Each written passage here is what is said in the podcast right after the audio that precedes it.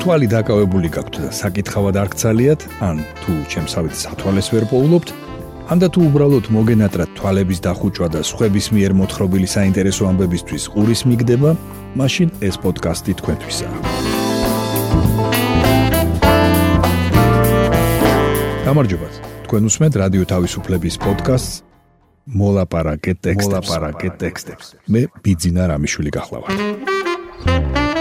აქ მოქმედი პირები არიან ტექსტები, რომლებსაც რადიო თავისუფლების ვებსაიტზე ვარჩევ თქვენთვის კვირაში ერთხელ და მათ მოსათხრობ ამბებად ვაქცევ ხოლმე.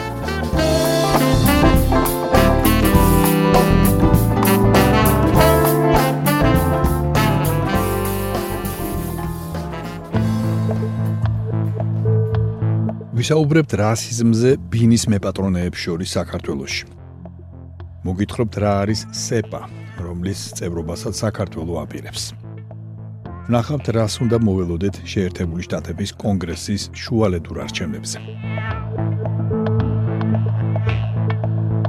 თავაზობთ სანდრო გვინდაძის სტატიას რასისტი მეპატრონეები, ხრუშჩოვკები, თვეში 500 დოლარად. ქართველ ახალგაზრდებს ბინის პოვნა უჭირთ. რუსეთის 10000ობით მოქალაქის ჩამოსვლამ საქართველოში ქირის ფასებით ცაში ატყორცნა. ამის გამო ბევრი ახალგაზრდა ბინას თვეობით ეძებს. პრობლემა არამხოლოდ სიძვირესა და ცუდ პირობებშია. თუ თქვენი კანის ფერი თეთრი არა, საცხოვრებლის პოვნა კიდევ უფრო გაგიჭირდებათ. უი, ეს სადაურია. ქართველები მეგონეთ ორივე. კითხეს აპრილში ქეთის სახელი შეცვლილია. როცა ბინის დასათვალიერებლად ნიგერიელ პარტნიორთან ერთად მივიდა. ეს პირველი შემთხვევა არ იყო. მეპატრონეები მის შეყვარებულს გადმოკარკლული თვალებით მანამდეც უყურებდნენ. ზუსტად იცოდა, რომ ცოტა ხანში ეტყოდნენ, ბინა უკვე გაქირავებულია. კეთი ყვება, რომ ზოგი არ ერიდებოდა პირდაპირ იმის თქმას, რომ მხოლოდ თეთრკანიანებს უშვებს ბინაში. ზოგი მის შეყვარებულს დაყვებოდა კუჩში და არც ერთი წამით არ ტოვებდა მარტოს. მას მერე რაც ბინის მეპატრონეებმა რამდენჯერმე უარით გაისტუმრეს, მაკლერებისთვის წინასწარ დაიწყო იმის თქმა, რომ სახლში შავკანიან პარტნიორთან ერთად უნდა იცხოვროს. თუმცა აქაც რასიზმსა და დაუფარავ შეურაცხყოფას გადააწყდა. ივნისის ბოლოს ბინა ძლივს იშოვეს. იმაზე გაცილებით პატარა და ძვირი ვიდრე წინა. შარშან საბურთალოზე 70 კვადრატულ მეტრში 900 ლარს იხდიდნენ. ჰქონდათ ცალკე სამზარეულო. ეს კეთისთვის განსაკუთრებით მნიშვნელოვანია. საძინებელი, წიგნის თაროები.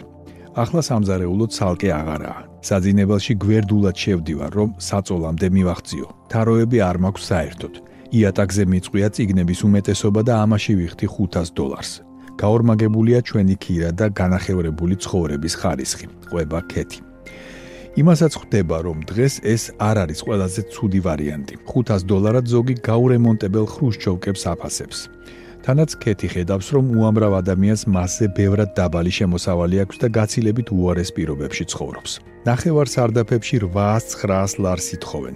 წარმოვიდგენ, რომ აქ ადამიანებმა უნდა იცხოვრონ. შვილები უნდა ჰყავდეთ იქ, ბავშვები, სოროებში, ნესტიან კედლებში. ამბობს ის.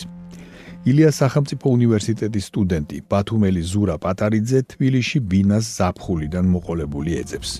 თვეში 500-600 ლარის გადახდა შეუძლია, მაგრამ ჯერჯერობით მხოლოდ ისეთი სახლებია, სადაც ადამიანი იძულებული ან გამოუვალ მდგომარეობაში რომ არ ყოფილიყო, არ მოუნდებოდა ცხოვრება. ამბობს ის. არადა ბევრს არაფერს ითხოვს, უბრალოდ არ უნდა რომ სახლში იყოს ნესტი, ჟონავდეს წყალი, აბაზანაში კი კაფელი იყოს აყრილი. ამ პრობლემას უამრავი სტუდენტი აწყდება. Facebook-ზე სხვადასხვა დახურულ ჯგუფში დღეში 10-ობით განცხადება იდება. ახალგაზრდები წერენ, რომ ბინაში საშუალოდ 350-700 ლარის გადახდა შეუძლიათ. ელენე დავითაია, რომელიც 10 წელიწადზე მეტია მაკლერად მუშაობს, ამბობს, რომ ამ ფასად სახლის შოვნა რთულია, თუ შეუძლებელი არა. განსაკუთრებით კი ისეთის, რომელსაც ექნება გარემონტებული აბაზანა და ცენტრალური გათბობა. არადა ცენტრალური გათბობის არ ქონა დღეს იგივეა წყალი რომ არ ქონდეს სახლს, ამბობს ელენე. მისი თქმით, ის ბინები, რომლებიც შარშან 400 დოლარი ღირდა წელს 800, 900, 1000 დოლარად ქირავდებაო. ასეთ ფასად ძირითადად ქირაობენ არა საქართველოს მოქალაქეები. აზუსტებს მაკლერი. ზუსტად ვერ ამბობს, მათ შორის რუსეთიდან ჩამოსული რამდენია, თუმცა უმრავლესობა სლავები არიანო. ელენა იხსენებს ომის დასაწყისში იმიგრანტების უმრავლესობა ბინებს 2-3 თვით ქირაობდა, რადგან ბევრმა თვითონაც არ იცოდა რამდენი ხნით დარჩებოდა. ახლა ბინებზე მოთხოვნა ოდნავ შემცირდა. სამაგიეროდ სლავების უმრავლესობა ბინებს უფრო ხანგრძლივად ქირაობს. ელენეს მიაჩნია, რომ ამჟამინდელი ფასები ხელოვნურადაა გაბერილი და არ არსებობს ერთიანი ფორმულა, რომლითაც ბაზარზე ქირის ფასი გამოითვლება. იმავეს ამბობს ბათუმელი მაკლერი თაკო ვასაძეც. ძველ корпуში 800 დოლარი ღირს სამოთახიანი ბინა და ახალში 700. ეგრე არ შეიძლება, ამბობს ის. თაკო დარწმუნებულია, რომ პრობლემა რუს ემიგრანტებში კი არაა, არამედ იმაში, რომ მეპატრონეები სხვისი გამოუვალი მდგომარეობით ბოროტად სარგებლობენ. რუსები ყველაფერზე იყვნენ წამსვლელები, ოღონდ სახლი ჰქონოდათ.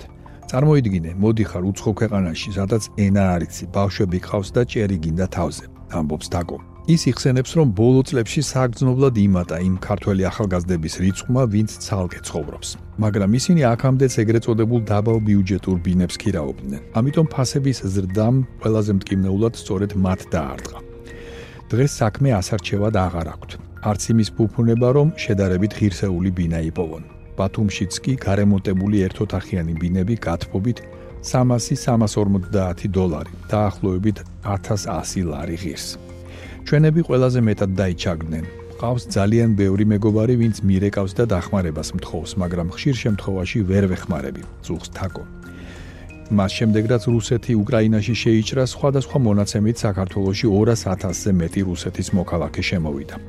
კომპანია TBC კაპიტალის მიერ ჩატარებული კვლევა აჩვენებს, რომ ქირის ფასი მკვეთრად გაიზარდა მარტის თვეში. აპრილ-მაისში საქართველოში თითქმის 6400 რუსული კომპანია დარეგისტრირდა. მათგან 93% ინდივიდუალური საწარმოა, ანუ რუსეთის ერთი მოქალაქე, რომელიც ბიზნესს საქართველოში აკეთებს. უკვე ივლისში 2021 წლის ივლისთან შედარებით თბილისში კვადრატული მეტრის ქირის ფასი თითქმის 70%-ით იყო გაზრდილი. თქვენ მოისმინეთ სანდრო გვინდაძის სტატია რასისტი მეპატრონეები ხრუშჩოვკები თვეში 500 დოლარად. ქართველ ახალგაზრდებს ბინის პოვნა უჭირთ.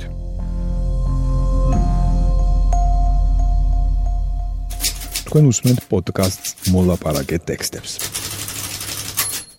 ახლა მოგასმენინებთ სტატიას რა არის სეპა რომლის წევრობასაც საქართველოს აპირებს საქართველოს მთავრობის განცხადებით დაგეგმილია საქართველოს სეპას შეუერთდეს.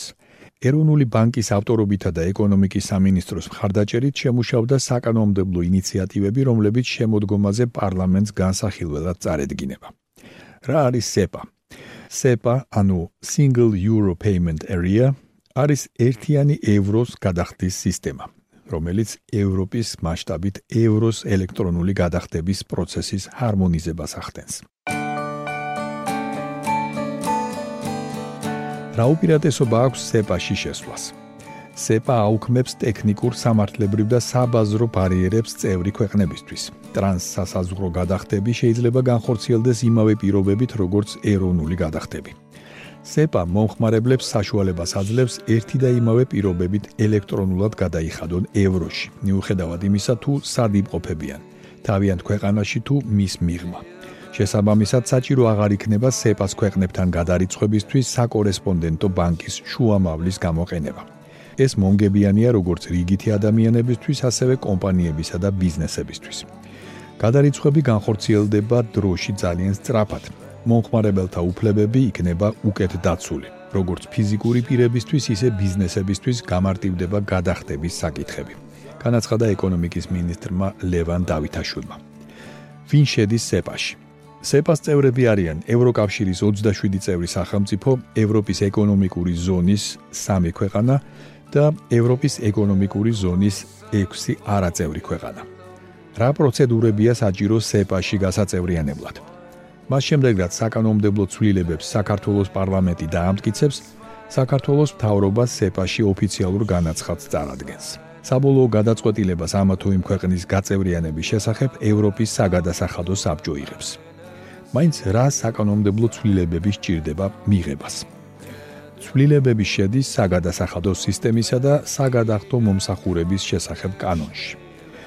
კომერციული ბანკების საქმიანობის შესახებ კანონში. ეროვნული ბანკის შესახებ კანონში. ამ სამი პაკეტიდან პირველი ორი საქართველოსა და ევროკავშირს შორის ასოცირების შეთანხმებით გათვალისწინებულ ვალდებულებებთან დაახლოებას გულისხმობს.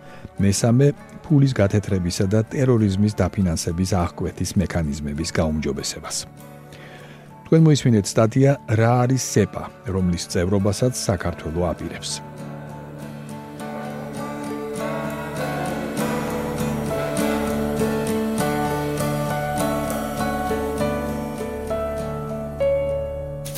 თქვენ უსმენთ პოდკასტს მოლაპარაკე ტექსტებს.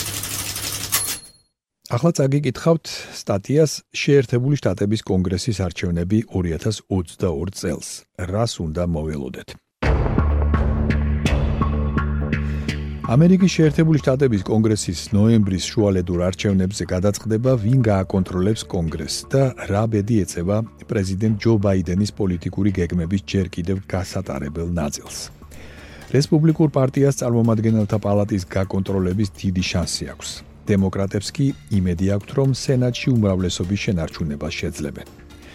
წარმომადგენელთა პალატაში თუ კვლავ უმრავლესობა მოიპოვეს, რესპუბლიკელებმა ვერ განხორციელდება უმრავლესობა იმ კანონპროექტებისა, რომელთა მიღებაც ბაიდენსა და მის მიმდევრებს სურთ და ალბათ ასევე აგორდება მართლობის სფეროში კონგრესში გამოძიებების ტალღა. ხელისუფლებაში მყოფი პარტია როგორც წესი კარგავს ხოლმე ადგილებს წარმომადგენელთა პალატაში ახალი პრეზიდენტის პირველი 4 წლიანი ვადის განმავლობაში. დემოკრატიული პარტიის წარმომადგენელი პრეზიდენტის ბარაკ ობამას პარტიამ დიდი რაოდენობა 63 ადგილი დაკარგა 2010 წლის არჩევნებში მისი პირველი საპრეზიდენტო ვადის განმავლობაში. 2018 წელს დონალდ ტრამპის გაპრეზიდენტებიდან ორ წელიწადში რესპუბლიკურმა პარტიამ წარმომადგენელთა პალატის 41 ადგილი დათმო. ორივე შემთხვევაში პალატის მაკონტროლებელი ძალა გამოიცვალა. წელს 8 ნოემბრის არჩევნებში რესპუბლიკელებს მხოლოდ 4 ადგილი სჭირდებათ 435 წევრიან პალატაში უმრავლესობის მისაღებად. ამ ადგილების დაპატრონების პერსპექტივას აძლიერებს არჩევნების მანიპულაციების შესაძლებლობა. ეს ის პრაქტიკაა, როცა ერთი პარტია ახდენს კონგრესში ოლქების განაწილების манипуляციას, რათა განამტკიცოს საკუთარი ძალაუფლება ოლქების გადანაწილების პროცესის დროს, რაც 10 წელიწადში ერთხელ ხდება. რესპუბლიკელებმა ახალი მათთვის ხელსაყრელი რუკები შეიმუშავეს იმ პერიოდში, როცა წარმომადგენელთა პალატას აკონტროლებდნენ. ეს მათ გააკეთეს ტეხასსა და ფლორიდაში. ხოლო დემოკრატებმა ეს ნიუ-იორკში სცადეს, მაგრამ შტატის უმაღლესმა სასამართლომ მათი გადაწყვეტილება ბათილად ცნო. დემოკრატების ნაწილი წარმომადგენელთა პალატაში შიშობს, რომ ძალაუფლებას რესპუბლიკელები ჩაიგდებენ ხელში და ამიტომ წასვლას აპირებენ. წარმომადგენელთა პალატის 31-მა დემოკრატმა განაცხადა, რომ ისინი გადადგებიან ან ახალ თანამდებობას ეძებენ. ეს უმაღლესი მაჩვენებელია პარტიისთვის 1992 წლის შემდეგ. რესპუბლიკელებს მხოლოდ ერთი ადგილის მიღება სჭირდებათ იმისთვის, რომ შეერთებული შტატების სენატზე კონტროლი მოიპოვონ. სენატში ახლა 50 ადგილი აქვთ რესპუბლიკელებს, 48 დემოკრატებს. ვიცე-პრეზიდენტს კამალა ჰარის გადამწყვეტი ხმა აქვს. ბრძოლაში გამოცდილი თანამდებობაზე მყოფი დემოკრატები არიზონაში, ჯორჯიასა და ნევადაში შესაძლოა დაეხმარონ პარტიას ამ ადგილების შენარჩუნებაში. მაშინ როცა რესპუბლიკელებმა შესაძლოა დათმონ ადგილები პენსილვანიასა და ვისკონსინში. ორ შტატში, რომლებმაც 2020 წლის არჩევნებში ხმა მისცეს ბაიდენს და არა ტრამპს. მეორე მხრივ რესპუბლიკურმა ტალღამ შეიძლება გამოიწვიოს ის, რომ ყველა ეს ადგილი ამ პარტიას შეხვდება და ასევე შესაძლოა კოლორადოცა და ნიუ-ჰემპშირიც. მიუხედავად იმისა, რომ ბაიდენი არ მონაწილეობს ნოემბრის კენჭისყრაში, შუალედური არჩევნები ხშირად პრეზიდენტის რეფერენდუმის სამსახურს წევს. ბაიდენის პოპულარობა ოდნავ გაიზარდა ზაფხულის განმავლობაში რიგი პოლიტიკური გამარჯვებებისა და ეკონომიკის გაუმჯობესების შესახებ ზოგიერთი სიახლის შემდეგ. თუმცა ამერიკულ საზოგადოებაში ბაიდენის პოპულარობა მაღალი მაინც არ არის. 29-30 აგვისტოს ჩატარებული Reuters Ipsos-ის გამოკითხვის თანახმად, ქვეყნის ნახევარზე ნაკლები 38% იწონებს მის საქმიანობას. ამავე გამოკითხვა მაჩვენა, რომ ამერიკელების 69%-ს მიაჩნია, რომ ქვეყანა არასწორ გზას ადგას, ხოლო 21% მიიჩნევს, რომ ის სწორ გზას ადგას. საარჩევნო ბიულეტენში ტრამპიც არ არის შეყვანილი, მაგრამ ის წარმატებით დაუდგა მხარში თანამოაზრე კანდიდატებს. რადგან ცდილობს დარჩეს თავისი პარტიის დე-ფაქტო ლიდერი 2024 წლის საპრეზიდენტო არჩევნებისთვის. დემოკრატები გაახარა შეერთებული შტატების უზენაესი სასამართლოს გადაწყვეტილებამ, რომ გაუქმდა აბორტის კონსტიტუციური დაცვა, როგორც ამას კანონი როი ვეიდის წინააღმდეგ განსაზღვრავდა. ამან გამოიწვია დემოკრატების საპროტესტო ხმების მატება რეფერენდუმზე კანზასში და საგანგებო არჩევნების სერია წარმომადგენელთა პალატაში. სასამართლოს გადაწყვეტილებით გამოწვეულმა არეულობამ, როგორც ჩანს, რესპუბლიკელების ამომრჩეველთა ენთუზიაზმი შეასუსტა. დემოკრატებს ახლა ბევრად მეტი მიზეზი აქვთ ოპტიმიზმისთვის, ვიდრე ჰქონიათ დიდი ხნის მანძილზე, თქვა ჯეიკობ რუბაშკინმა. Inside Election-ის ანალიტიკოსმა ვაშინგტონში. მაგრამ დემოკრატების პოზიცია მაინც უკიდურესად სავალალოა ორივე პალატაშიო, დასცინა მან. დემოკრატები ასევე იმედოვნებენ, რომ ტრამპის იურიდიული პრობლემები, რომლებიც დაკავშირებულია ფლორიდაში მის სახლში, FBI-ის მიერ ჩატარებულ ჭხრეკასა და 2020 წლის არჩევნების გაუქმების მცდელობაში მისი როლის გარშემო კვლავ მიმდინარე გამოძიებასთან ნაკლებად გადახრის მოყოყმანე ამომრჩეველს რესპუბლიკელ კანდიდატებს დაუჭიროს მხარი. დემოკრატების მოლოდინი, რომ COVID-19-ის პანდემიის შემდეგ ეკონომიკის სწრაფი აღდგენა შუალედურ პერიოდში პერსპექტივას გააუმჯობესებდა, არ გამართლდა. უმუშევრობის რაოდენობის მკვეთრი ვარდნის მიუხედავად, ეკონომიკა კვლავ განიცდის შეუჩერებელ ინფლაციას. რამაც მკვეთრად გაზარდა ძირითადი საარსებო საშუალებების ფასი, როგორიცაა საკვები და ენერგია. მიუხედავად იმისა, რომ ზოგიერთ საქონელზე, როგორიცაა ბენზინი, ფასებმა დაიწია, ფედერალურმა სარეზერვო სისტემამ ცოტა ხნის წინ განაცხადა, რომ მას მაინც მოუწევს აგრესიული ზომების მიღება ინფლაციის გასაკონტროლებლად. რამაც შესაძლოა ეკონომიკური ზრდის შენელება გამოიწვიოს. Reuters Ipsos-ისა და სხვა ორგანიზაციების მიერ ჩატარებული გამოკითხვები კვლავ აჩვენებს, რომ ამორჩევლების მთავარი სადარდებელი ეკონომიკაა. ის ბევრად უსწრებს წინ ისეთ პრობლემებს, როგორიცაა დანაშაული ემიგრაცია, აბორტი და გარემოს დაცვა. დემოკრატები ამტკიცებენ, რომ კონგრესის მიერ მიღებული ბოლოდროინდელი კლიმატისა და ჯანდაცვის პაკეტი ხელს შეუწყობს ინფლაციის შესუსტებას. სხვა საკითხებთან ერთად გახდის წამლებს უფრო ხელმისაწვდომს და ჯანდაცვის ხარჯების შემცირებას მოიტანს. თეთრმა სახლმა ცოტა ხნის წინ ასევე გამოაცხადა, რომ მთავრობა ნაწილობრივ ჩამოწერს სტუდენტურ ვალს. დემოკრატები იმედოვნებენ, რომ ეს საკამათო გადაწყვეტილება ახალგაზრდა ამომრჩეველთა გააქტიურებას შეუწყობს ხელს. ეს გახდათ სტატია შეერთებული შტატების კონგრესის არჩევნები 2022 წელს. რას უნდა მოველოდეთ?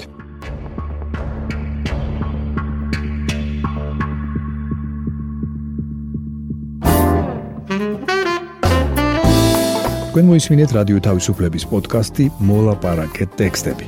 მე კვირაში ერთხელ ვარჩევ რადიო თავისუფლების ვებსაიტზე გამოქვეყნებულ ტექსტებს და მათ მოსათხრობამდე ვაქცევ ხოლმე. ჩვენი პოდკასტი შეგიძლიათ გამოიწეროთ, ჩამოტვირთოთ ან მოისმინოთ პირდაპირ რადიო თავისუფლების ვებსაიტზე. მისი მისამართია რადიო თავისუფლება.ge. თუ ჩემი მიერ მოთხრობილი ტექსტები სრული სახით დაგაინტერესებთ, მათი მოძებნა იულია. ვებსაიტზე, პოდკასტის გვერდზე იპოვეთ ყოველ ცალკეულ პროგრამაში მოთხრობილი ტექსტების ბმულებს. მე ბიძინა რამიშვილი ვარ. მომავალ შეხვედრამდე.